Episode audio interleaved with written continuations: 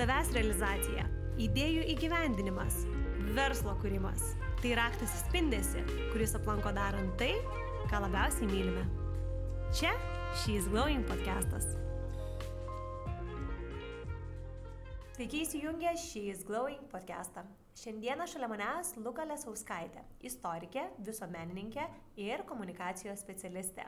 Sveika, Luka. Labas, Davilė. Luka, esi labai veikli moteris, darai daug įvairių dalykų ir man labai įdomu, ar žvelgiant į tavo vaikystę jau būtų galima pamatyti kažkokias to užuominas. Žinok, tikrai galima. Aš manau, kad e, visą laiką reikia atsižvelgti ir pasižiūrėti į vaikystę. Čia ir kiekvienas psichoterapeutas tai pasakytų. Tai manau, kad taip, aš visą laiką buvau tokia E, dėmesio centre, tarp, dažniausiai būdavo tarp saugusių žmonių ir, ir, ir tarsi iš manęs jau buvo tikimasi, kad aš, žodžiu, visus čia linksminsiu, pasakosiu eilėrašius užsilipusiu rankėdės ir, ir, žodžiu, visus juokinsiu. Tai turbūt ir yra to šaknis, kad man patiko būti tarp žmonių, aš gerai jaučiausi tarp žmonių, dėl to turbūt visiškai neturiu jokios scenos baimės ar, ar kalbėjimo viešai baimės, kas tikrai man padeda labai stipriai. Tai tikrai tas buvo ir aišku, kai jau tokia mokykla daugiau prasidėjo, tai tam buvau be galo aktyvi ir seniūnė, ir prezidentė, ir, ir visi renginių vedimai ir organizavimai, tai tas jau mano veiklumas jau buvo tada, kuomet iš tiesų, na, tu darai labai daug skirtingų dalykų ir daugiau mažiau visur esi gera ir suspėjai ir mokytis, ir, ir užsimti visokią visuomeninę veiklą, tai, tai aš tą jau atradau tikrai paauglystėje, sakyčiau, taip stipriai ir pajutau, kad, kad noriu kažko daugiau iš gyvenimo, noriu prasmingą veiklą užsimti ir man neužtenka tik mokytis, ten lankyti kokią dailės mokyklą ir dar ką nors, man reikia daugiau. Tai vad ir pradėjau ieškoti, kas tas galėtų būti daugiau. Kaip atrodė tos tavo paieškos? Labai aktualu, nes daugybė žmonių tebe ieško. Paieškus atrodė labai įdomiai, nes aš dažnai kaip pas moksleivius lankausi ir jiem e, bandau papasakoti tą savo pradžią, sakau, įsivaizduokit, kad uh, kai aš pradėjau savęs ieškoti, tai, nu, nebuvo dar nei Instagramo, nei Facebooko, apskritai socialinių tinklų, tai reiškia, kad kažkokią informaciją sužinoti, nu, yra dar sunkiau. Prisiminkim, ar ne, kai mes buvome mokykloje, nu, tikrai tu tokiam gyveni šiokiam tokiam burbule. E, tai aš kažkaip pradėjau nuo savanorystės ir irgi tiesiog ieškojau, nu, vad, googlinau, ką aš savo mieste galėčiau daryti. Ir tikrai savanorystė nebuvo tokia populiari, kokia yra šiandien. Nu, tai buvo tokia visiškai nišinė veikla, keletą organizacijų, keletą žmonių, kurie tai daro, nu, savo tokia tarsi gyvenimo, tu gyveni savo. Ir aš pabandžiau, ir aš pabandžiau nuo to, kas man tada labai rūpėjo, tai gyvūnai, tiesiog gyvūnų prieglaudai mano pirma savanorystė. Ir man atrodo, kad tikrai užaugino tam tikrą prasme sparnus man. Man taip patiko, kad tu gali padaryti pokytį, jį pamatyti, nu, ta prasme, apčiuopiamą kažkokį. Aš dar įtraukiau ir, ir bendruomenį, įtraukiau uh, savo mokyklą, mes ten padarėm didžiulę akciją, pavadinom palies kletiną, ten per mokyklas darėm, nu, žodžiu, ten buvo tikrai toks visas didžiulis, didžiulė tokia socialinė iniciatyva, kuri beje tęsiasi man netgi baigus mokyklą. Turbūt didžiausia jos nauda ir prasmė, kad nu, tu sukuri kažkokią idėją, kurią patikė kiti žmonės. Ir aš tą padariau ir man tas be galo patiko, kad aš galiu traukti kitus, užkrėsti kažką tą idėją ir, ir, ir sukurti pokytį. Ir man tas labai patiko ir aš supratau, kad nu, aš noriu, noriu tą toliau daryti. Ir aš tuomet jau pradėjau įvairias kitas veiklas eiti savanorystę. Tai ir su vaikais savanoriauti, ir, ir su seneliais, ir, ir visokių kitokių atsirado tų iniciatyvų. Ir man tas žiauriai patiko. Žiauriai patiko, kad tu gali būti, jaustis reikalingu, naudingu ir padaryti kažką gero vardan kitų. Tai toks buvo mano kažkoks savęs atradimas ir pajūtimas, kur, kur aš galiu būti naudinga ir kuo aš galiu būti dar. Ir tada sekantis tavo žingsniai, kokie jie buvo, ar ne? Nes turbūt čia galvoji, mhm, šitą veiklą man labai patinka, tačiau ar tai galėtų tapti, tarkim, mano pragyvenimo šaltiniu? Čia iššūkis yra, taip, pragyvenimo šaltiniu. Praėjus 14 metų, taip, aš dabar dirbu savanoriškos organizacijos didžiausios Lietuvoje ir pasaulio komunikacijos vadovė, tai taip, aš galiu dabar iš to gyventi, bet, nu, ne iš tiesiog iš savanorystės, tai čia reikėjo šiek tiek, kad praeitų laiko. Uh, Tai kaip viskas po to dėliojasi, man atrodo, irgi taip labai organiškai ir nuosekliai, kad jau aš pajutau tą kažkokį ryšį su valstybė, su savo miestu, kad aš tarsi noriu daryti kažką daugiau. Ir taip atsirado istorijos e, studijos. E, čia irgi buvo toks labai didelis iššūkis, tai yra na, humanitariniai mokslai, mes žinom, kad jie, na, pasaulyje yra pakankamai populiarūs, bet Lietuvoje tikrai juos taip yra žvelgiama, nu, kad, žodžiu, geriau kažkokia ten vadyba, teisė, psichologija, bet tikrai ne humanitariniai mokslai. Ir tikrai tokio susilaukiau iš tėčių, ypatingai, nu, tarsi, tai ką tu čia veiksi, nu, tai ką tu čia dirbsi ir kiek uždirbsi. Ir, ir aš kažkaip labai džiaugiuosi, kad aš atstovėjau ir pasakiau, žiūrėkit, po to sugalvosiu. Aš svarbiausia, aš noriu studijuoti tai, kas man patinka, kuo aš domiuosi. O kai tu darai, kas tau patinka, nu, tai jau po to kiti dalykai ir atsiranda. Tai aš tą tikrai atstovėjau ir tikrai nesigailiu. E, man labai patiko studijos, kurios tikrai tokios buvo labai, na, tokį gerą duoda bendrą išsilavinimą nuo filosofijos ir, ir kalbų įvairių iki tokio bendro pasaulio pažinimo, aš sakyčiau. Ir, ir tikrai tų istorikų yra dabar ir reklamoje, ir valstybinėse institucijose, ir savo įmonių susikūrė, na tai tikrai rodo, kad na tu tokį gauni labai gerą bazę. Ir aš ją gavau ir turbūt tas mano ryšys su, su valstybė, su Lietuvais dar labiau sustiprėjo. Ir, pradėjus studijuoti istoriją atsirado idėjų, kaip na, tą istoriją populiarinti Lietuvos visuomeniai, nes tada irgi reikia pripažinti, kad na, prieš kažkur dešimt metų, na, ta istorija vėlgi buvo toks, na, atrodė visiems labai nuobodus e, mokslas, žodžiu, vien vadovėliai, kažkokia nuobodus, nuobodi dokumentika ir viskas. Ir man irgi, na, pradėjo tokių visokių būti minčių, na, tai kaip, kaip parodyti, kad tai nėra tik tai, kad tai yra ir kelionės, kad tai yra įdomus žmonės, įdomios asmenybės.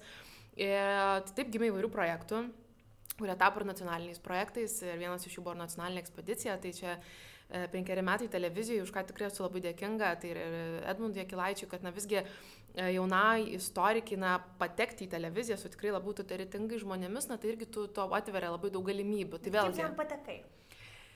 per savo turbūt tokį ilgą liežuvį ir drąsą, nes e, na, vienas iš pagrindinių laidos autorių profesorius Bumblauskas, na, vienas žymiausių Lietuvoje istorikų, ir jis toks irgi, na, labai mėgsta tokius studentus, kurie nu, drąsus, nebijo jam paprieštarauti, nebijo kalbėti. Aš tokia visą laiką, kaip sakau, man nežinau, iš kur tos drąsos pas mane yra.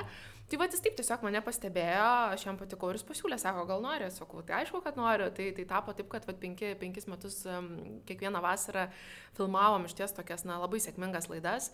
E, tai irgi atvėrė tikrai nemažai tų kelių sakykime, į visuomenę. Na, reikia pripažinti, Lietuva nėra didelė šalis ir kad ir kaip mes galvotumėm, kad e, niekas nežiūri televizijos, bet vis dėlto Lietuvoje televizija yra tikrai dar labai populiari Ir taip jau yra, nu jeigu tu esi taip telikė, pavadinkim kabutėse, tai jau čia kažkoks esi labai žodžius svarbus, vadinasi, nu čia aš taip šaržuoju šiek tiek.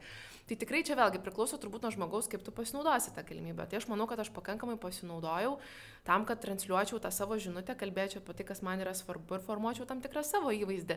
Čia, va, aišku, vėlgi buvo ta tokia plana riba, na kaip nesupopsėti, gal irgi tai pavadinkim, nes jeigu tu ateini su vis tiek, na, tam tikrų tokių vaidmenių, kaip, kaip istorikė, nu, kaip akademikė ar ne, na, aš tokia, aišku, nesu ta tipinė galbūt akademikė, tai irgi nu, nesinori taip visiškai jau tapti tokia, na, žinai, tiesiog glamūrinė kažkur žurnaluose ar kalbėti tiesiog apie stilių, tai čia, nu, man atrodo, tarsi man tai netinka.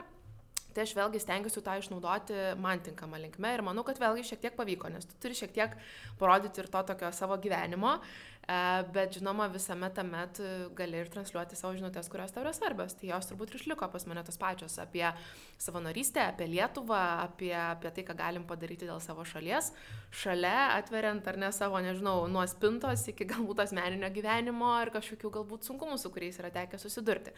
Bet kaip ir sakau, e, ką stebiu pati iš šalies ir pati savo visą laiką boksnuoju, kad, nu, nu, negaliu peržengti tam tikros ribos ir, ir visgi turiu išlaikyti tam tikrą tokį savo statusą, kuri, kuris, manau, nu, man ir atvėrė tą kelią. Minėjai, kad laida buvo sėkminga, ar ne? E, iš tikrųjų, jos tema yra istorija. Man labai įdomu, koksai buvo tos laidos sėkmės receptas tavo nuomonė, kadangi tikrai dažnai žmonės gali galvoti, kad Lietuvoje yra populiarios laidos um, apie plėtkus, mhm. arba skandalus, arba kokį, na, žinai, ar nesupranti, ką turiu omenyje. Tai vad, kaip manai, kodėl jums sekėsi? Aš sakyčiau, trys tokie faktoriai būtų, kurie man dabar taip iš karto ateina į galvą. Tai pirmasis tai, kad e, laidos herojai yra surinkti labai skirtingi žmonės, kurie tinka labai skirtingom auditorijom. Tai yra nuo Zitos Kelmitskaitės, kuri tikrai yra, nu, tokia žinoma, vyresnė auditorija, iki Svaro, kuris ar ne yra toks, na, jau mūsų, sakykime, kartos, toks kaip dievukas, ar sakau, ar ne, ten, sakykime, tas pats ar Nedmundas Jekilaitis, uh, E, Robertas Petrauskas, e, buvo Edita Mildažytė įstraukus, na vėlgi labai skirtingi žmonės, plus ar ne jaunimas. Tai vėlgi, vadinasi, žiūri labai skirtingos auditorijos, kaip aš kartais mėgdavau pajokauti, nuo furisto iki ten, žinai, kažkokio profesorius. Na tai čia yra vienas dalykas. Kitas dalykas, mes pasakom apie tai, kas žmonėm yra pakankamai savo. Mes pasakom apie Lietuvą, kuri yra nutolusi iki Vokietijos, iki Ukrainos, iki Kroatijos, iki Serbijos ar Prancūzijos. Vėlgi visuomet tau yra, na mes tokie esame truputį nacionalistai, nu tau yra įdomu, nu tai kaip čia dabar tam Versalį, kur čia ta Lietuva gali būti. Tai čia, man atrodo, toks yra prieskonis. Ir kitas, kad labai, vėlgi laidoje, na ne tik yra istorija, mes įragaujam ir yra daug tokių emocijų ir kažkokių pokalbių, to patyrimo džiaugsmo, kas eterė tikrai yra labai skanu, ne tik kuomet sėdi ir galvos ten kalba ir diskutuoja, bet kuomet yra tokių, nu, paprastų dalykų, kaip tu turgų iššopinėsi, nors nu, taip irgi nesakau, mes ten kokiam ieškom višavankų uh, Kievo centre kažkur tai.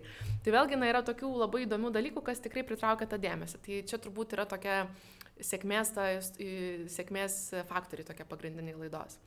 Ir aišku, kas man vėlgi buvo labai svarbu, turbūt paskutinį sezoną, kuomet aš plaukiau, galvojau, nu, kažką bet reikia dar man tokio padaryti. Ir aš tai labai puikiai atsimenu, kad irgi turėjau senai svajonę sukurti radio laidą apie pilietiškumą, nes tokios tiesiog nebuvo. Ir porą metų brantinau tą idėją ir galvojau, nu, gal čia YouTube kokeiti, gal čia vat, podcastą kažkokį tai daryti, kas irgi buvo tik pati pradžia. Bet galvoju, ne, man, žodžiu, reikia eiti į LRT, į nacionalinį transliuotoją ir taip jau imti, žodžiu, visą visuomenę. Tai irgi atsimenu labai gerai, čia irgi tokios drąsos. Um, Gedrius Masalskis yra LRT radio direktorius. Ir, na, mes tokie buvom tiesiog Facebook'o draugai, ne, nelabai pažįstami, dabar aš žinau jisai, kad aš, aš ten LRT esu, žinau, kas jis yra, aš tokiam parašiau, sakau, sveiki, Gedriu. Žodžiu, esu tokia ir tokia, turiu idėją, noriu radio laidą daryti apie plėtiškumą. Ir jis man atrašo, sako, gerai, sako, tu man aprašyk, žodžiu, visą idėją, pasikalbam. Jis turėjo gal 10 minučių, aš tiesiog ten greit susakiau tą visą savo mintį. Nu, sako, pabandom, pasidarom, žodžiu, tą demo, demo versiją, jeigu viskas bus gerai, važiuosim.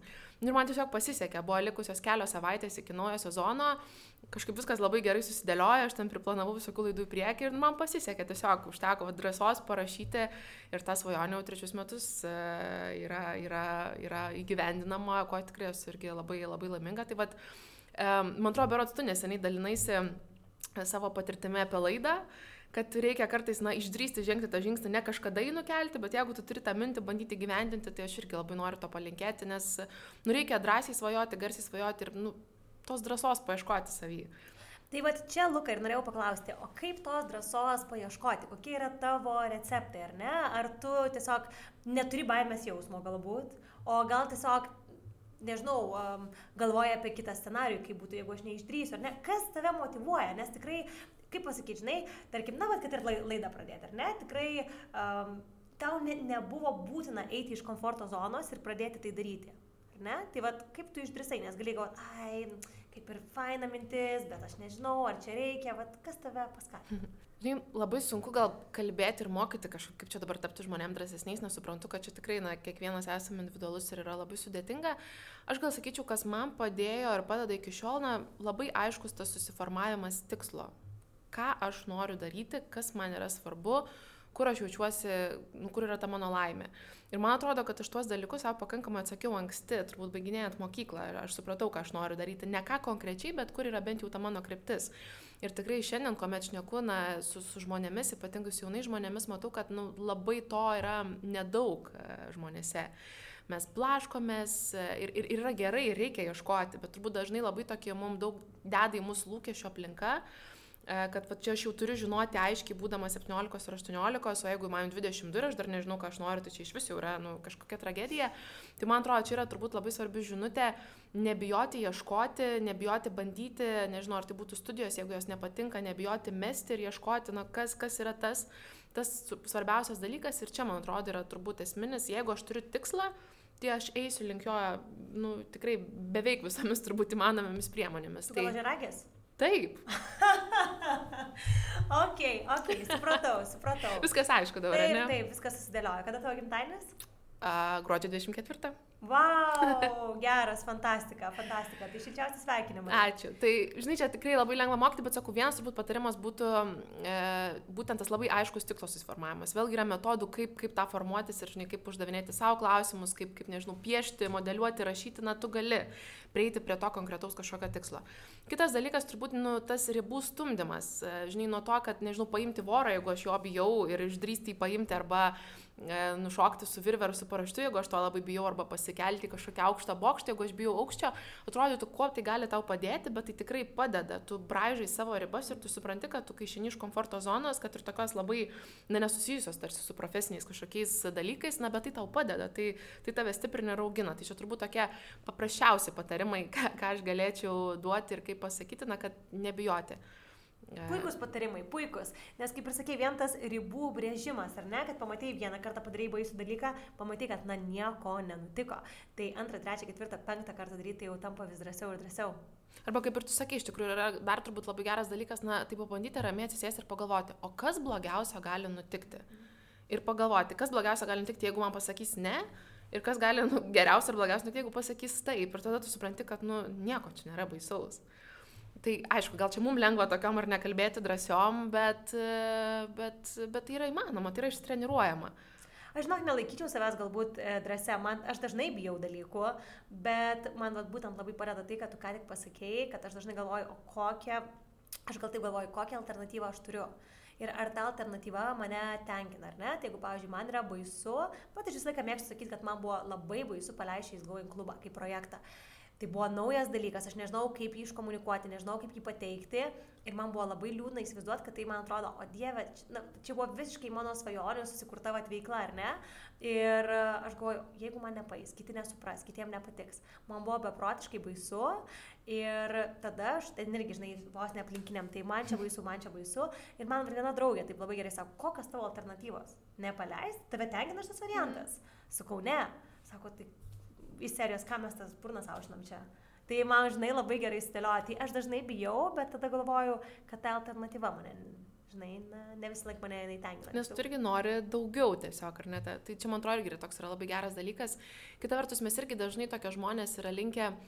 E, na, sakyti, kad čia aplinkybės taip susidėliojo, čia kažkas man neleidžia, čia gal aš neturiu kažkokių ryšių, neturiu pažįstamų, bet juk viskas priklauso nuo mūsų.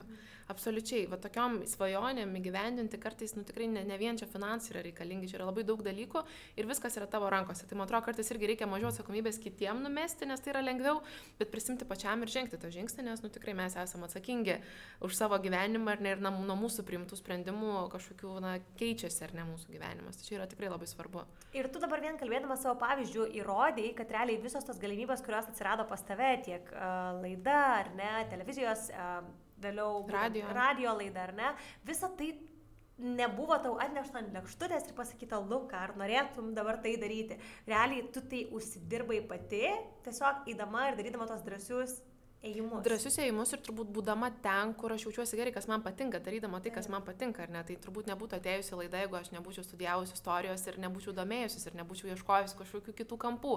Čia turbūt irgi yra labai svarbu, kur mes jau ateiname ir jeigu randame tą savo sritiną būti ten geriausiu. E, ir kas yra šiandien turbūt svarbu, ieškoti kažkokių naujų ir įdomių kampų.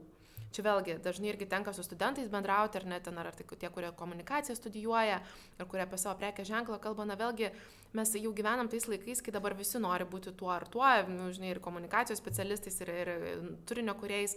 Na vėlgi, tu turi ieškoti kažkokių prieskonių, būti kažkokiu, net jeigu tu esi teisininkas, tu turi atrasti kažkokį unikalumą. Jeigu anksčiau tai nebuvo taip svarbu, dabar tai yra svarbu. Tai vėlgi, čia turbūt yra dar vienas toks iššūkis - ieškoti tų unikalumų. Na, mano vėlgi tas unikalumas, ir ne kai aš pradėjau kalbėti apie pilietiškumo, Uh, nu nebuvo kas apie tai kalba. Ir aš savo tokį turbūt išsikėliau tikslą, nu tapti to top of mind žmogu, mes ir tavimi esame anksčiau apie tai kalbėję. Ir šiandien turbūt taip yra. Jeigu kažkas organizuoja, organiz, organizuoja konferenciją ir nori, kad kažkas pakalbėtų apie savanorystę ir apie pilietiškumą, nu aš sulaukiu tų laiškų ir skambučių vis dar. Nors atrodo tiek stipriai gal nebedirbu ant to, bet jau yra tam tikras vardas. Tai vėlgi, tai buvo unikalu. Dabar galbūt kitam žmogui jau taip iš naujo, na, būtų šiek tiek sunku pradėti e, kalbėti, bet galima atrasti kažkokį kampą, apie kurį galbūt aš nekalbu ar kažkas kitas nekalba. Taip. Tai turbūt tos unikal, unikalumo paieškos, jos kuo toliau, to bus svarbesnės. Ir tu irgi turbūt su savo klubu tai atradai ir tiem, kas dabar kuria klubus moterų, yra labai sunku. Čia iš tikrųjų tokia įdomi tavo mintis. E, Luka, tu beri e, tokias geras mintis vieną po kitos. Užsirašykit. E, tikrai aš rekomenduoju, jeigu vairuojate, tai neužsirašinėkit, bet jeigu nevairuojate, tai tikrai užsirašykit šitas mintis, e, nes tu labai teisingai sakai, va, dėl tapimo to on top of the mind, ar ne, žmogumi. Ir labai dažnai, e, va, kažkoks žmogus nori pradėti vystyti savo asmeninį prekinį vardą ir sako, Jėzu, tai čia, nežinau, influenceriai ten labai daug turi sekėjų, turi, e, bet sakau, tai yra visiškai nesmė, mm. nes tiesiog yra esmė kažkokioje nišoje, tu neturi tapti visoje Lietuvoje Lietuvoje žinomu žmogumi, ar ne, e, tam, kad tu pasiektum sėkmę būtent savo profesinėme kelyje. Bet tu turi kurti asociaciją. Ir aš prisimenu, kai aš vat, grįžau į Lietuvą ir tuo metu mano veikla buvo vestuvių planavimas, o aš žinau, kad aš noriu eiti link moterų verslumo norėjau jau tada įsivaizdavau, kad pat kursiu tokį klubą ateityje ir panašiai. Aš galvau, aš noriu pakeisti tą fokusą, kad žmonės pagalvoja, ar ne, apie moteris, apie verslumą, apie visus tos dalykus galvoti apie mane. Ir tada aš labai strategiškai galvojau, kaip tai galėtų nu, atrodyti.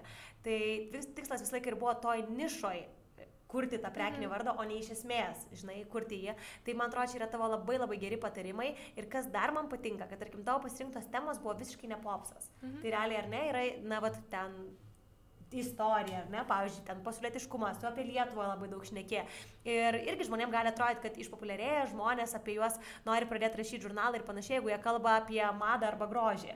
Bet tu esi irgi puikus pavyzdys, kad ir tokios temos rimtos, ar ne, iš esmės Ne, temos. ne tai, kad tau paprieštarausiu, bet pasakysiu taip, kad yra labai nelengva ir tu vis tiek atsiduri tokioj e, vietoj, kad nu, tu turi papasakot kažką, kas, žinai, pritrauktų. Tai, sakykime, nu, mano atveju, kas man, pavyzdžiui, dabar labai nepatinka ir aš tikrai dabar nemažai atsisakau interviu. Uh, kai vieną kartą aš papasakau apie, apie depresiją, apie valgymo sutrikimus, tai žinai, dabar jau visi, kurie tau skam, nu, skambina ir rašo, nu, nori, kad tu papasakotum kažką tokio, žinai. Aš išsiskyriau su vyru, tai dabar, žinai, reikia visiems pasakoti apie tai. Ir toks atrodo, nu, ir tau yra pikta, gal aš tiek daug dalykų darau gyvenime, apie kuriuos aš jums galiu papasakoti iš profesinės ryties, iš kažkokios visuomeninės, bet vis tiek pat reikia dar tokio, žinai, klausimo. Bet tu irgi tada pasveri ir supranti, nu, tai jeigu tu nori kalbėti apie tau svarbius dalykus, nu, tu turi šiek tiek ir pakalbėti apie tai, nu, taip yra pas mus, nu, čia reikia, žinai, čia nėra, kas liepti ir nėra ko meluoti, tai čia taip, taip yra, nes, nu, tu nes, nebūsi visiems įdomu, žinai, jeigu tu pasakosi tiesiog, kad keliaukit po Lietuvą, nes čia, žinai, tai sustiprina jūsų pilietiškumą. Taip, tam tikrom nišiniam e, laidom apie keliones ar apie apie, sakykime, istoriją, taip, bet jeigu tu nori kalbėti plačiai visuomeniai, ten, žinai, populiariuosiuose mūsų kanaluose, na, tu turi kažkokio dar to prieskonę įnešti. Tik tai vėl sakau, aš jau būčiau šiek tiek pajutusi, kad iš manęs nori jau per daug tų kitų temų, negu, žinai, to, ką aš galiu duoti. Tai šiek tiek tai pristabdžiau. Reiškia, turi gerą filtrą. Ar ne, ir mastai apie tai, kaip, na, kaip kiti žmonės galiausiai mato tave. Bet gali, žinai, labai lengvai ant to filtro paslysti, kai, nu, vis tiek tu nori, nenori, nu, yra smagu, kai apie tave rašo, kai, kai tave fotografuoja, moterimi patinka, na, tas dėmesys patinka. Tai man irgi tikrai nekart yra reikės save stabdyti ir aš jau pagavau, kad, nu, aš jau biški susižavėjau tuo per daug. Nevadinu, tai čia tik nėra kažkokia žvaigždžių lyga, tai yra tiesiog, kad, nu, va, yra faina, nu, būti gražiai, išpoštai ir fotografuoti, žinai, žurnale bet tu supranti, kad, nu, nu, tai gal nėra visiškai apie mane, arba tai nėra tas mano tikslas, nes, nu, čia vėlgi labai greit atsibosi tada, nes tą istoriją išpasakosi visiems, o kas tada. Vis tiek, kai tu nori nu save statyti kaip, kaip e, profesionalę, kaip ekspertę, kas tikrai yra labai svarbu, bet šalia yra svarbu turėti, nu, ir tai, kas vis tiek, na, masina ir, ir, ir ta, yra tas jaukas žiniasklaidos.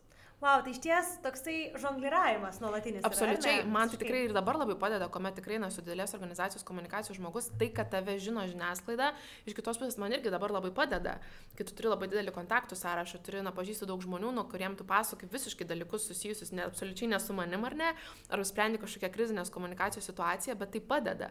Tai vėlgi, nu, aš apie tai anksčiau tikrai negalvojau, bet dabar suprantu, kad tai labai stipriai padeda. O ką tu patartum tiem, kurie dabar klauso ir galvoja, be pigų čia šitam dviem atsisėdusiam kalbėti, mhm. nes vat jau turi jos daug kontaktų susirinkusios. Ką tu patartum tam žmogui, kuris dar tik pradeda galbūt savo kelią ir tų kontaktų nei kiek neturi? Tai netvarkinti. Mm. Kas vėlgi, aš laiką, kai kalbu su, su jaunimu, su, su moksleiviais, su studentais, su kuriais turi dabar visą pasaulio laiką. Tam yra nevyriausybinės organizacijos, tam yra jauna, to, jaunųjų po, politinių partijų, tai jaunieji, jaunus, visokie jaunieji konservatoriai, socialdemokratai, liberalai ir panašiai. Tai vėlgi tai yra tos sritis ir sferos, na, kur reikia eiti ir kur reikia būti, nes tu, na, augini tą savo pažintis. Aš irgi taip būtent atėjusi nuo mokyklos suolo į, į įvairias organizacijas, E, dabar tie mano bendramžiai yra Seime, yra Europos parlamente, yra kitur, nu, tai yra tie, kur mes augom kartu. Tai va čia irgi, na, aišku, čia jauniems žmonėms. Jeigu vyresni dabar mes kalbam ar ne, tai jau kur tu nebenuisi galbūt į kažkokią organizaciją, na, ieškoti profesionalų klubų, ieškoti, eiti į konferencijas įvairias, jų tiek vyksta Lietuvoje ir užsienį, kur tu gali eiti ir tiesiog pažindinti su žmonėmis. Ar tai būtų pardavimo, ar tai būtų personalo, ar tai būtų komunikacijos, ar kokias tik nori. Dabar yra, na, praktiškai tu gali verslą pastatyti tik networkingo. Čia yra labai svarbu. Tai irgi yra ėjimas nemažai kam iš komforto zonos, nes tu turi eiti bendrauti, tu turi spausti ranką, šipsotis, prisistatyti, bet ten žmonės visi to ateina. Tai tu supranti, kad tu esi ne vienas toks, tas tai šiek tiek tikrai palengvina, nes na visi atėjo to. Tai tikrai aš tą labai raginčiau, ne visos konferencijos yra tokios brangios, tikrai dabar kainos kyla ir, ir ne visur mes galim sauliaisti galbūt nueiti, bet yra mažesnių, nebūtina pradėti nuo tų top konferencijų, kur ten kainuoja po 1000 eurų. Galėjai į mažesnės, e, burtis, e, jungtis prie Facebook'o grupių, LinkedIn'o grupių, bet tikrai tai yra būtina, na, plėsti tą savo ratą. Iš pradžių turbūt pradėti nuo profesinio rato, kas man yra aktualu, žmonės, kurie dirba šitoje srityje, e, o po to jau gali plėsti tą ratą. Tai dabar yra daug lengviau negu manau, kuomet mes pradėjom tai daryti. Labai pritariu. Mes, pavyzdžiui, ir šį Zlon klube darom uh, business networking, tokius vadinus speed datingus, kai tiesiog yra begalė moterų, kurios viena su kita susipažįsta, ar ne, ir pasakoja, aš ten darau tą ir tą, o aš darau tą ir tą, kaip, ir kaip tai galėtų veikti. Bet man labai įdomu, kad tu irgi tai akcentuoji, nes aš prisimenu, kai aš grįžau į Lietuvą, vienas iš pirminių dalykų, į ką aš fokusavausi, tai buvo renginiai. Aš pirmosius metus vaikščiau į labai daug renginių. Dabar aš jau pasirenku, kurie man tikrai patinka ir kuriuos verta nueiti, bet pradžiai. Ir aš galvoju, kad tai buvo labai sąmoningas, teisingas sprendimas, mhm. todėl kad tai padėjo labai gerą pamatą santykiams, kurie dabar yra, kai kurie iš jų yra šīs Going klubo lektoriai, kiti yra galbūt šiaip kažkokie, uh, žinai, bičiuliai, tarkim, labai artimi tapo, bet tai iš tikrųjų labai padėjo ir integruotis kaip kad būsiai emigrantai ir pasidėti labai gerus verslo pamatus. Tai man labai patinka, kad tu tai akcentuoji tikrai e, labai raginčiau tai daryti. Kitas turbūt dalykas, vėlgi, žmonės turbūt mūsų klauso moteris ar ne iš įvairių Lietuvos miestų. Turbūt Taip. mažesnėme mieste, vėlgi kartais net yra lengviau. Tu gali tą kažkokį savo klubą pradėti ar networkingą, na, tiesiog su kažkokia iniciatyva. Gali imtis kažkokios visuomeninės iniciatyvos, kažkokios akcijos, labdaringo renginio.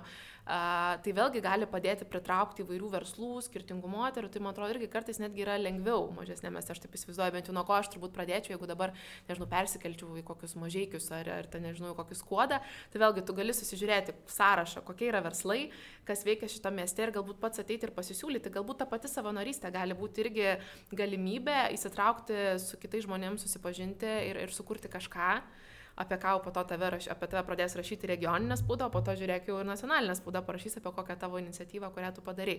Tai vad reikia turbūt ieškoti tų tokių nišų, kas nevyksta, kas vyksta, kas yra daroma, ką dar galiu padaryti tam reikia pastangų, tam reikia laiko, niekas tikrai taip nepasidaro, man panorėjus tiesiog. Tai čia irgi turbūt yra labai svarbi žinutė, nu, šiek tiek reikia pasėdėti ir, ir padėlioti tą planelį. E, bet geras tas pasakymas, dalykai pasidaro darimo būdu, tai va čia turbūt toks labai paprastas pasakymas. Lab, labai pritariu ir iš ties pasakai, kad reikia pasidaryti planelį. Tai man labai įdomu, ar tu darysi tą planelį, kai, na, pirmą kartą įžengiai į savanorystę, supratai, kad tai yra artima tau, bet tada aš tavęs ir klausiau, bet kaip tai monetizuoti? Na, o dabar tu jau turi puikų būdą, ar ne, kaip tai monetizuoti ir vis tiek likti na, nišoje ar ne, mhm. rinkoje, kuri tau yra labai artima. Tai kaip tai įvyko? Ar natūraliai, ar turėjai aišku planą, kad čia yra tai, link ko aš noriu eiti? Nu, toks biškės su batsiuviais be batų, tai plano, žinok, aš neturėjau, bet e, labai vyko taip organiškai, kad vis tiek e, porą, trejata metų aš tikrai irgi uh, važinėjau, skaičiau paskaitas, tai dariau nemokamai, na visiškai taip e, jau, jaučiau ir prasme, ir reikalingumą, ir man tiesiog tai patiko, ir nu, tai yra natūralu, jeigu tu nori tapti to top of mind žmogum, ar ne, tu turi, tu turi atiduoti kažkokią tai duoklę.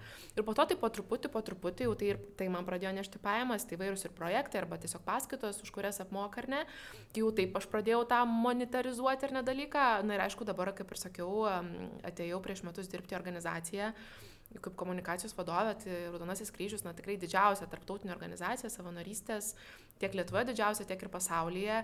Ir, ir vėlgi dabar, na, dirbu su ta tema, su kuria mačiau iš įvairiausių kampų.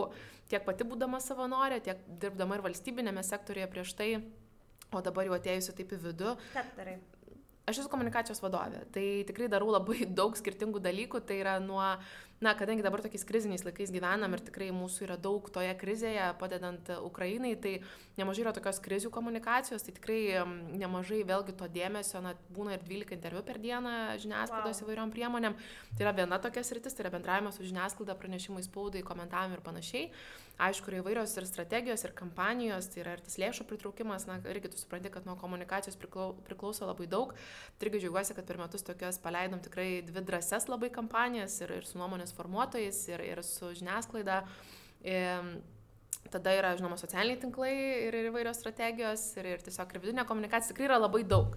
Vėlgi, kuomet tu dirbi ne versle, ne vyriausybinio organizacijų, tai tikrai darai turbūt daug daugiau ir neturi tokios dalies komandos, bet yra beproto gera patirtis. Uh, dirbant tiek su išoriniais partneriais, tiek, tiek viduje. Na, e, mes turim 15 tūkstančių savanorių ir 170 darbuotojų. Tai iš esmės, na, komunikacija tikrai yra na, svarbi to dalis. Tai aš matau tai kaip labai labai gerą patirtį, aišku, ir iš to galiu, galiu ir užsidirbti. Man labai patinka, kad apie tai kalbė, nes komunikacija yra nuostabus įrankis, ar ne? Ir labai dažnai žmonės galvoja, kad dabar aš darysiu savo darbą, darysiu jį gerai arba vystysiu savo verslą ir visi apie mane sužinos ir taip. Tai yra mitas, ar ne? Tikrai gali taip kartais nutikti, ar ne, ten iš, iš lūpų į lūpas, kai kam gali tiesiog sėkmėnus šipsoti, bet iš esmės gera komunikacija yra nuostabus įrankis pasiekti, ar ne, tų rezultatų. Ar galėtum pasidalinti keliais patarimais, kas tavo nuomonė yra svarbu vystant sėkmingą komunikaciją? Mhm. Tai vėlgi čia turbūt priklauso nuo, nuo prekės ženklo ir, ir dydžio ir srities, bet vėlgi aš sakyčiau, reikėtų pradėti uh, pati kažkada, kuomet nereikėjo daryti dar tų komunikacijos strategijų, galvoju, dieve, kaip nuobodu, nu pats nemėgstamiausias dalykas. Ir dabar pati būdama vadovė, aš suprantu, kad nu, negali nei žingsnio be to žengti, kad ir kaip tai būtų, atrodo kažkoks na popierius ar ne popierius, vadinkim tai, bet yra labai svarbu, beprotis svarbu, tai aš sakyčiau, nuo ko reikia pradėti, tai būtent nuo, na bent jau greučių rėmų tos komunikacinės strategijos, kuri na mums padėtų, na būti tas vietlys ar ne tie vadinami kipiaisi, ko mes norim pasiekti, kaip mes matuosim tą savo pasiekimumą ar ne. Ar kiek pranešimų spaudai išleisim, ar kiek postų parašysim, ar kiek laikų, nu, čia gali būti patys įvairiausi ar ne tie dalykai, kaip mes matuosim, bet tai yra beproto svarbu. Kaip tai pasiekti ir nuo ko pradėti, tai vėlgi mes turim pradėti, aš tai bent jau sakyčiau, nuo tikslinės auditorijos. Tai aš bent jau nuo ko visą laiką pradedu, jeigu dirbu ar tai su savo prekės ženklu, ar, sakykime, kryžius raudonasis būtų ar kažkas kita, tai vėlgi kokia yra mano auditorija, ką aš noriu pasiekti. Nu, tu negali pasiekti visų, tu turi labai aiškiai apsirašyti kai apsirašai, aš netgi sakyčiau, ką dar patarčiau pasidaryti tiek ir tokį to savo tikslinės auditorijos tokį portretą netgi gali pasidaryti ar nenusistatyti, nu, vat, kas tiem žmonėm rūpi, iš kur jie yra, kas jiems svarbu, kas juos domina, kas nedomina. Ne. Tada aš galiu bandyti jau pataikyti su savo prekės ženklu tą tikslinę auditoriją, žiūrėti, ar aš pataikau, ar aš nepataikau. Jeigu nepataikau, tai ką daryti, kad aš pataikyčiau, ar ne. Ir va taip po truputį pro mažą žingsnelį tu modeliuoji, kaip tada man pasiekti tą auditoriją, kokie yra mano ar net tie priemonės, ar tai būtų socialiniai tinklai, ar tai būtų puslapis ar ne, ar tai būtų vėl per kažkokius žmonės, nežinau, gali būti ir tokia tiesioginė komunikacija ar ne. Tai yra tikrai, bet sakyčiau, pradėti reikia ne nuo priemonių, tai yra tiesiog, kas yra mano auditorija. Ir tada aš jau žiūriu, ką aš noriu pasakyti, kaip aš noriu pasakyti, kodėl aš tai turiu pasakyti, koks yra mano unikalumas, ar ne tas unique selling point, ar ne, kas tai yra, nes dabar tai yra nuvelniškai svarbu. Kuo aš įsiskiriu iš kitų. Ką aš vėlgi darau kaip komunikacijos vadovė, tai tikrai stebiu konkurentus ar ne, tai irgi ką tikrai rekomenduočiau irgi nuo ko galima pradėti atsispiriant, tai yra konkurentų analizė elementari kas yra rinkoje dideli, maži žaidėjai, panašus kaip aš ir tiesiog pasidaryti, na, jų, kaip jie komunikuoja, kaip jie dirba, kaip atrodo jų puslapis, kaip atrodo jų Facebook paskyra, tai jau tada aš galiu galvoti apie savo, bet kol šitų namų darbų nepasidarau, tai yra labai sunku kalbėti apie komunikaciją savo. O kaip tu viso to išmokai, ar ne? Nes iš esmės mokysi istorijos, Taip. ar tai buvo ta tokia gatvės mokykla labiausiai ir patirtis, kurie atėjo, ar tarkim pradėjai darbą ir mokysi jau būdama toje pozicijoje? Taip, tai nestudijavau ir mokslo tikrai nebaigiau susijus su komunikacija, pati dabar doktorantūroje esu visiškai politikos mokslo, bet e, kas būtų kiščiausia, tai aš viešajam sektoriui, valstybiniam sektoriui pradėjau dirbti su komunikacija ir čia irgi yra labai gera mokykla tokia. E, tikrai nėra verslas ir nieko panašaus, bet mokykla yra labai gera, tai čia tokia mano buvo darimo jau, kai mokaisi darimo būdu. A, kitas dalykas, tai tiesiog investavau į knygas, Korseros kursai yra labai geras dalykas, gali baigti pačių geriausių universitetų kursus, tai tikrai e, nemažai tam skiriu laiko. Tai yra literatūrai, daugiausia užsienio literatūrai, būtent kuri būtų susijusi su komunikacija. Ir tiesiog baigiau kursų keletą, kur vėlgi na, gilinau savo, tai žinai, žinau, ką ir tu tą puikiai irgi darėjai. Na, čia vėlgi yra tikrai labai svarbu. Nebūtina baigti universitetų ir turėti diplomų, bet e, ieškoti būdų, kaip pagilinti savo žinias, tai tikrai, tikrai reikia nu, ir be to nelabai turbūt kur ir nueisi. Luka, o kalbant iš esmės apie tavo veiklas, ar ne, tai dabar kaip atrodo tavo kasdienybė, kurioje yra tikrai, na, nemažai skirtingų dalykų? Labai daug visko vienu metu. Bet aš esu prie to pripratusi ir jeigu to pas mane nėra, aš jau jaučiuosi blogai jau man kažko trūksta ir atrodo, kad aš išvaistau laiką veltui, aišku, iš to irgi kyla įvairios problemos. Tai ir, ir, nerimas, ir, ir, ir stresas, ir, ir žinoma, ir perdegimas, bet e, mano diena tikrai atrodo taip visgi, kad aš didžiąją laiko dalį skiriu tiesioginiam darbui, tai yra būtent kaip, kaip komunikacijos vadovės, nes tikrai na, yra atsakomybių nemažai ir už organizaciją visą, ir, ir, ir už žmonės, su kuriais dirbu kartu. Tai, tai čia vėlgi įvairūs susitikimai, planavimai, rašymai ir, ir panašus dalykai. Uh, Uh, turiu, na, negaliu turbūt pavadinti savo kažkokį prekės ženklų, bet vis tiek, na, Instagrame komunikuoju, auga tas mano Instagramas, jis taip irgi turbūt po truputį, tai tikrai tam irgi reikia laiko skirti ir, ir tam turinio kūrimui, ir, ir rašymui. Tai tikrai nemažai laiko dienoje skiriu ir LinkedInui, kur, sakykim, aš irgi labai skirtingas vedu savo paskyras. Čia vėlgi nežinau, ar gerai ar blogai, tu galėsi gal pasakyti, bet, sakykim, LinkedInas toks mano yra visiškai komunikacija. Tik tai dalinuosi tik šitais dalykais ir eina visiškai verslą. Instagramas yra turbūt labiau būtent apie pilietiškumą, apie Lietuvą, apie mane, nu toks, nu mano prekės ženklas, Facebookas tampa tokia vėlgi pusiau visko miksas, bet man turbūt jų mažiausiai patinka ir galvoju, nu į tik toką gal irgi reikėtų nueiti, bet kažkaip dar ne, nerandu laiko turbūt tame. Tai yra šitam reikia atsidėti ir, ir skirti laiko. A, tada turiu dar papildomų projektų, tai yra laidos įrašymas, tai yra paskaitos įvairios, ar tai būtų kažkur verslam, ar tai būtų moksleiviam, tai vėlgi vyksti į kažkokį Lietuvos galą, ruošiesi tom paskaitom ar mokymam, tai nu va taip ir atrodo ta diena. Dar noris ir knygą paskaityti, dar noris ir tiesiog atsikvėpti, pasportuoti, tai, tai ieškai kaip tai padaryti. Ir yra dienų būna labai sunkių, bet, bet būna ir lengvesnių, bet čia vėlgi turbūt tokia yra laiko planavimo įgūdžiai, kurie irgi ateina su laiku. Kaip jį planuoji? kaip aš jį planuoju, tai aš esu tokia visiškai labai mėgstanti užsirašyti viską iki smulkmenų ir blokuoti tą savo laiką ir jį planuoti. Kitaip turbūt būtų beproto sunku ir pamiršti tiesiog labai daug dalykų. Tai aš tą ir darau. Labai smulkiai viskas smulkmeniškai rašausi, man tai padeda ir labai nepatinka, jeigu kažkas pakeičia mano ten kažkokį laiką, aš nepasako, ne, ne, aš nebegaliu, arba įmeta kokį naują mytą, tai nu negaliu pakesti, bet čia irgi mokausi, nu, nes tu turi pristaikyti prie kitų žmonių, negali viskas būti pagal tave. Tai turbūt taip, aš labai labai aiškiai planuoju, aš turbūt turiu irgi dienoje, mm, kad, sakykime, mano rytas būna laiškų atsakymui e, ir tokiem dalykam ir aš stengiuosi, kad manęs netrukdytų niekas bent kelias valandas. Tada yra laiko tarpas, kuomet susitikimam įvairiam, tada yra kažkokiam rašymo darbam, tai aš irgi stengiuosi netgi ir savo darbų kažkokį pobūdį suskirstyti į tam tikrą dienos ar paros laiką.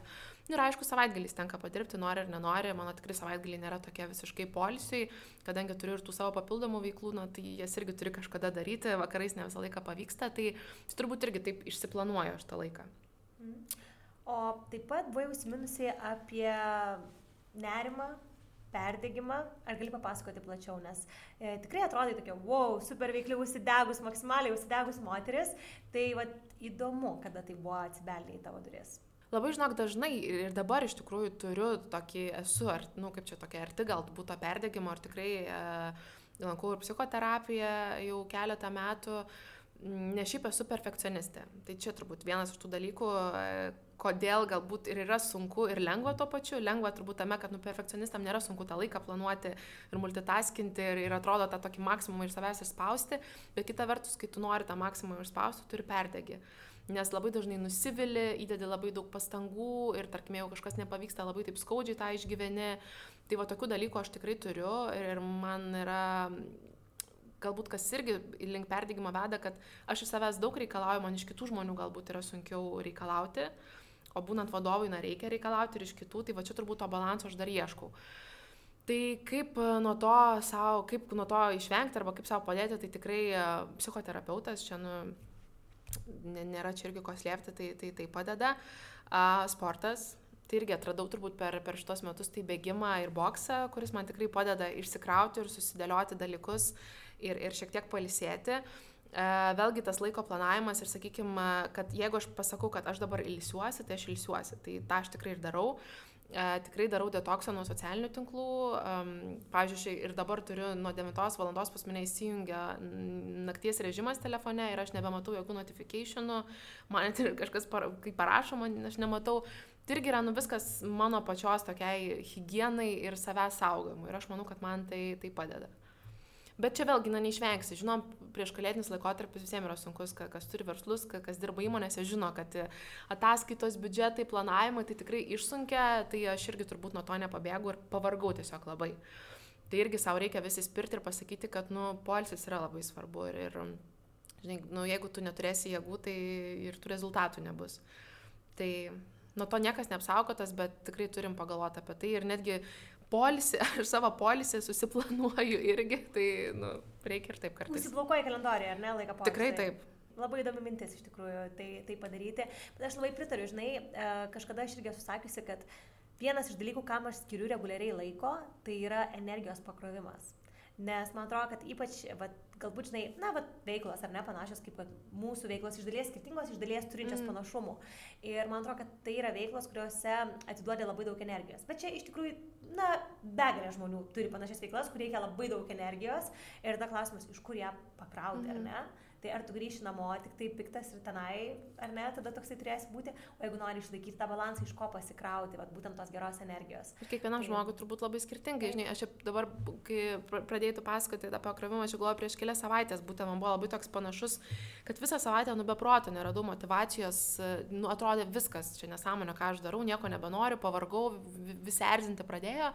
Ir mes dar kaip tik čia prieš kelias savaitės turėjom tokią akciją, kuomet e, rinkom mėgmaišius, e, kad išveštumėm į Ukrainą. Ir galvoju, o Dieve, dar savaitgalį visą reikės dirbti, nes daug žiniasklaidos, nu tiesiog žinau, kad turėsiu dirbti ir dar labiau mane demotivavo. Bet mane pakrauna žmonės. Ir man užteko nueiti į tą akciją. Ir aš ten, nu, antro šaltą stoviu, nu, ir laukiu, aš tų žurnalistų, prezidentas atvyko ten interviduoti. Ir ko man užteko, tai aš pamačiau, kaip žmonės močiutė nupirkusi tą mėgmaišį neša, braukia, aš sako, jūs čia padėkite Ukrainai, vaikučiai su šeima ten eina irgi neša tas mėgmaišis, žinok, ir aš taip galvoju, Nu, vat, aš suprantu, dėl ko aš tai darau. Jo. Ir mane taip pakrovė tas, ir vat, tokių man užtenka tų pasikrovimų. Ir aš tada, vat, čia vėlgi turbūt dėl to aš sakau, kiekvienam žmogui labai skirtingai. Tai galbūt net ir savo versle ar darbe, kuris mus kartais ir užknisa, mes galime atrasti, nu, vat, dėl ko aš tai darau. Ar galbūt kažkoks kliento gražus atsiliepimas, ar ne, ar feedbackas, ar kažkokia reklama pamatyta graži, ar, ar dar kažkas, nu, vat, tai juk džiugina. Tai man atrodo, reikia paieškoti ir neužsimerkti tokiam dalykam prieš tokius dalykus. Oi, pritariu, labai pritariu. Ir kaip pasakyk, kad tas feedbackas, ar ne, aš ypač manau, kad moteriam darbė iš esmės jis yra labai svarbus, ar ne, tas atgalinis ryšys ir kad tikrai dažnai savęs klausim, kodėl aš tai iš viso darau. Tai, pavyzdžiui, ką aš darau, kai gaunu kažkokią gražią žinutę, va, na, iš moters, pavyzdžiui, nežinau, šį going klubą narės, o gal pas mane individualiai konsultacijai buvo. Ir po to parašo kažkokią va, gražią, žinai, žinutę. Tai aš ją savo nusiskrinčiotinu ir įsidedu į atskirą folderiuką mm. ir tai būna mano koks nors inspiration folderiukas. Ir tikrai būna dienų, kai, nu, bet kaip ir tu sakė, atrodo, jezu, tu mano, nu ką aš iš viso darau, ar nėra prasmės, ar tiesiog pervargimas, ar, nu, tiesiog, žinai, nu, nevaibas, taip sakant. Tai man labai padeda tas folderiukas, aš praeinu, aš paskaitau tą žinutę. Kokia gera mintis, reikės taip, ir man tai padaryti. Taip, taip, tai žinok, aš tikrai labai rekomenduoju ir tai labai primena, nes na, aš manau, kad mums to reikia. Ir tai būtų naivu tikėtis, kad visą laiką, ar ne, Vat mes abie ir nesam energingos, mėgstančios daug daryti. Būtų naivu tikėtis, kad nebūna kitaip, kad nesvyra rankos, kad nebūna vaibelis, kad tu nieko nenori mm. daryti. Ir labai gerai yra tą suprasti, kur aš galiu pasisemti tos energijos, nes mm, variantas viską mesti turbūt ne variantas, tai belieka ieškoti būdų, kurie, kurie mus pakrautų tikrai ir kaip ir sakau, čia nu, gali būti ir, ir nuo skanaus maisto iki pirkinio, ar ten sporto, ar kelionės, ar tiesiog vat, pamatyti kažkokį paprastą dalyką, va, žinutę kažkokią savo priminti. Tai čia labai skirtingai ir kiekviena, kiekvienas žmogus turime atrasti, kas mums svarbu, nes tikrai tą energiją, nu ją būtina pakrauti, ypatingai jeigu išsidalinam, aš taip sakau, išsitaškom per skirtingas veiklas ir aš tikrai tą, tą irgi pas save jaučiu, nes tikrai labai daug atiduodu savęs kitiems žmonėms. Tai yra natūralu, kai tu save išdalini, kažkaip turi save, save susirinkti. Tikrai irgi dar to mokausi, nėra viskas taip paprasta. Ir, ir tam reikia laiko, išmuša tam tikri kažkokie dalykai, tam tikri nutikimai gyvenime, kur reikia vėl save rinktis iš naujo, nu, bet kažkaip atsikeli ir susirinki, nesupranti, tai o dėl ko viskas, juk dėl manęs yra. Žinai, noriu tavęs paklausti taip nuoširdžiai, jeigu nori, gali neatsakyti, bet man smalsu, kaip tu manai, ar tavo veiklumas trukdė santykiams? Labai trukdė. Mm. Aš manau, gal mūsų vėl toks atvejis buvo šiek tiek kitoks. Mes, kadangi abu susipažinom per veiklas, tai mes labai visą laiką ir bėgom, ir bėgom, ir buvom tose veiklose, ir nebuvo to, žinai, tokio tikro ryšio. Buvo veiklos, buvo kažkas, ir nebuvo mūsų. Ir kuomet ištiko karantinas, uh, Ir e, neliko tų veiklų, aš suprantu, kad mes irgi, aš bėgau per tas veiklas turbūt nuo kažkokių problemų ar ne namuose. Ir kai tu atsiduri namie ir tu supranti, kad nu, viskas yra blogai ir net nieko bendro tarsi nėra, nieko jungiančių nėra ir vien, nu, tai va čia vėlgi toks yra labai labai svarbu. Kitas dalykas, e, žmogus turi suprasti, kodėl tu tai darai.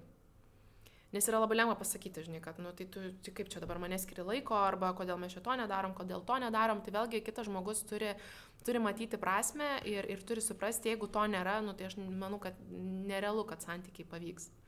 Čia yra labai svarbu.